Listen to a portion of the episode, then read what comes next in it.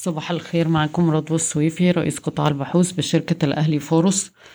أخبار الاقتصاد الكلي انخفضت الاستثمارات الأجنبية في أذون الخزانة في نوفمبر للشهر التاني على التوالي بمقدار واحد ونص مليار دولار لتصل إلى عشرين وستة من عشرة مليار دولار. وده طبعا مقارنة بذروة بلغت تلاتة وعشرين وتمانية من عشرة مليار دولار في يوليو عشرين واحد وعشرين. يعني إجمالي الهبوط حوالي تلاتة مليار. رفعت الحكومة توقعاتها العجز الميزانية في العام المالي اتنين وعشرين تلاتة وعشرين لستة وتلاتة من عشرة في المية مقارنة في المية بعد قرار الرئيس برفع الحد الأدنى للأجور بنسبة تلاتاشر في المية لألفين وسبعمية جنيه. تعتزم وزارة الكهرباء ضخ استثمارات من تلاتة لأربعة مليار جنيه لزيادة خطوط الربط الكهربائية بين مصر وليبيا. نصحت الولايات المتحدة مواطنيها بعدم السفر ل 22 دولة منهم مصر وسط ارتفاع حالات الكورونا. مؤشرات الأسهم الأمريكية بتواجه ضغوط مع ارتفاع عوائد أذون الخزانة الأمريكية. العائد للأذون لمدة سنتين ارتفع فوق الواحد في المية لأول مرة منذ بداية الوباء مع اقتراب رفع الاحتياطي الفيدرالي لأسعار الفايدة.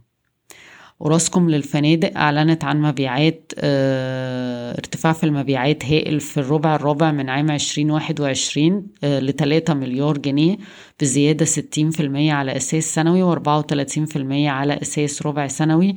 وأعلنت كمان إن آه نسب الإشغال في الجونة وصلت في الربع الرابع في المية.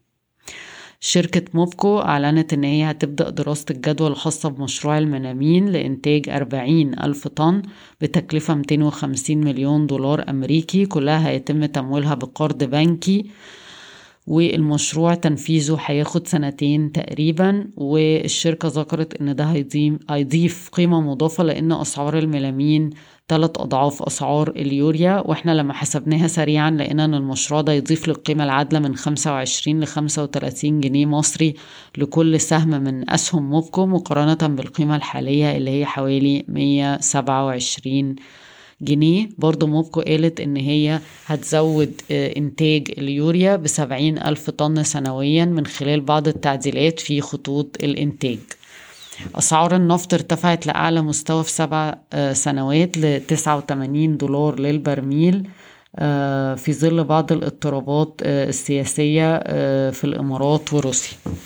شركة إيبيكو وافق مجلس الإدارة على إنشاء مصنع لإنتاج المواد الخام الدوائية برأس مال مصرح مليار جنيه ورأس مال مصدر 400 جنيه. إيبيكو حصتها 25% يعني تقريبا جنيه لكل سهم من أسهم إيبيكو. والسهم بيتم تداوله عند مضاعف ربحية سبع مرات لعام 2022 أه تتوقع مجموعة فودافون أه إن الصفقة بتاعة استحواذ فوداكوم على فودافون مصر هتنتهي قبل واحد وتلاتين مارس عشرين اتنين وعشرين.